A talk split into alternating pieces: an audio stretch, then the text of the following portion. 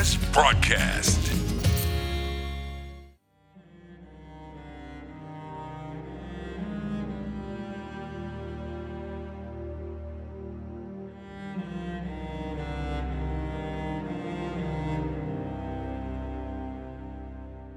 الحرب ليس الحزن وحده المكتوب ولكنه العذاب أيضا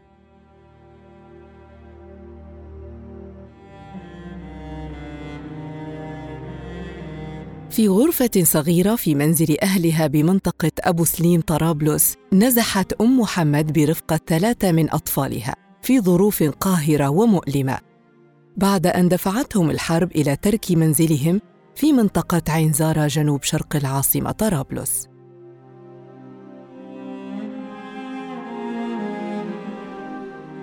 امرأة يخال لك وأنت تنظر إلى حالها وأولادها الثلاثة أن كل مصائب الدنيا قد وضعت على رأسها. تحاول عبثا منحهم شيئا من وهج الحياة المفقود في أعينهم. تمسح رؤوسهم بيد حانية ولسان حالها يقول ليس الحزن وحده هو المكتوب يا أولادي ولكنه العذاب.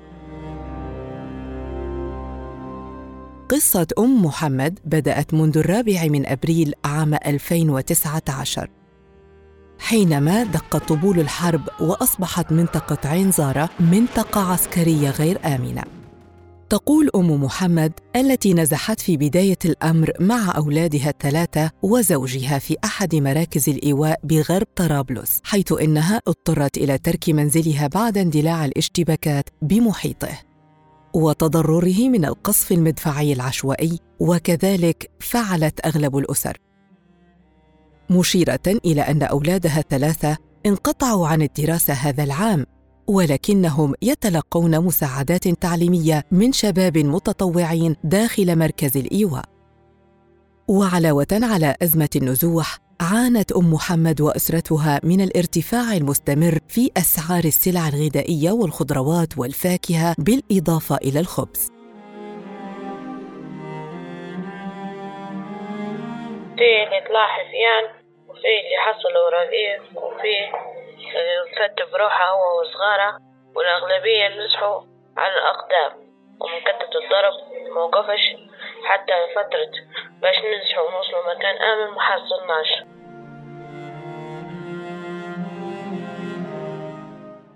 انتقلت أم محمد وزوجها وأولادها الثلاثة بمنطقة السائح حيث أقاموا في منزل للإيجار باهظ الثمن. تحملوا عبء الحياة إلى أن تحصل زوجها على عمل. وحسب ظروفه منحته الشركة التي يعمل بها سكنا مؤقتا. ولم تكتمل فرحتهم بالمنزل حيث أخذ منهم بقوة السلاح من قبل بعض الكتائب. توفي زوج أم محمد وهي الآن بدون سند. لا تملك المال ولا منزل تقاسم أهلها قساوة الحياة والظروف المعيشية الصعبة. وبحسب مفهوم العدالة الانتقالية وهي التي تقوم على مقاربات واسعة وشاملة في التعامل مع انتهاكات حقوق الإنسان وجبر الضرر الذي ألحق بالأفراد والجماعات نتيجة تلك الصراعات. فهي حق وواجب حق للضحايا وواجب على الدولة والمجتمع. لا غنى عنهما خلال كل الظروف والإمكانيات لتخرج تلك الدولة من أزمتها وعملية جبر تلك الأضرار لكي تحقق أهدافها.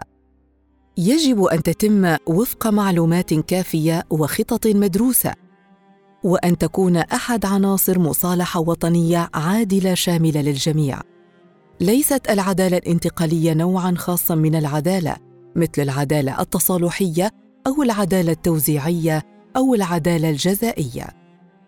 ولكنها تطبيق لسياسة حقوق الإنسان في ظروف معينة. ليست العدالة الانتقالية عدالة لينة بل هي محاولة لتوفير أكثر عدالة ممكنة في ظل الظروف السياسية في ذلك الوقت. قدمت أم محمد وزوجها أكثر من شكوى للدولة وللجهات المسؤولة عن التعويضات ولم تتلقى سوى الوعود. رغم علمهم بأنه تم تعويض أسر عدة قد نزحت بفعل الحرب أيضا.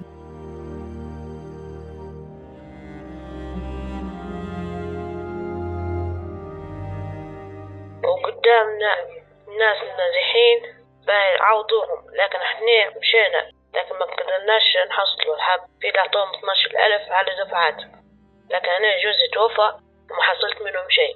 وقاعد في حوش أهلي لتوا ظروفهم هم كانت تعبانة الحق. حتى أهلي ظروفهم تعبانة. لحد توا ما حصلنا منهم حتى حاجة الحق.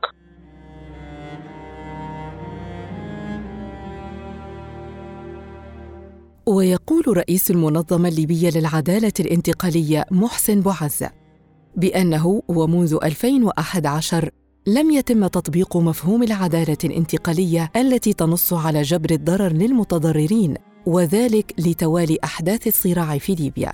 وإنه لتطبيقها يجب أن تنعم البلد بنوع من الاستقرار وذلك لضمان عمل أدوات العدالة الانتقالية كالقضاء ولجان التقصي والبحث والتعويضات. وأيضا تسخير جانب من الميزانية أو استحداث صندوق كما ويعني اتفاقنا حول تحديد مفهوم الضحية والتعويضات الخاص بالضحايا. كما ذكر أن تطبيقها يمر بعدة مراحل. أولها معالجة الانتهاك الجسيم لحقوق الإنسان وكذلك معالجة التحريض الواضح من قبل القنوات الفضائية. النازحون يعانون من ظروف قاهرة. إذ يواجهون فقدان سبل كسب الرزق والخدمات الاجتماعية الأساسية، حيث هم أكثر عرضة للإصابة بالأوبئة وانعدام الأمن الغذائي وسوء التغذية، كما يأمل الليبيون أن يلتفت أطراف الصراع لمعاناتهم بوضع حد للنزاع، تفادياً لمزيد من التدهور في الأوضاع الإنسانية. وذلك بالجلوس على طاولة مفاوضات الحل السلمي وتطبيق العدالة الانتقالية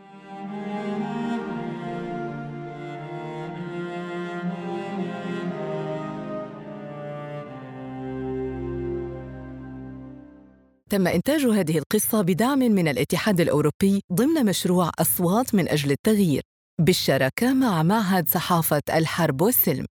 محتويات القصة هي مسؤولية إذاعة ناس ولا تعكس بالضرورة وجهات نظر الاتحاد الأوروبي. ناس برودكاست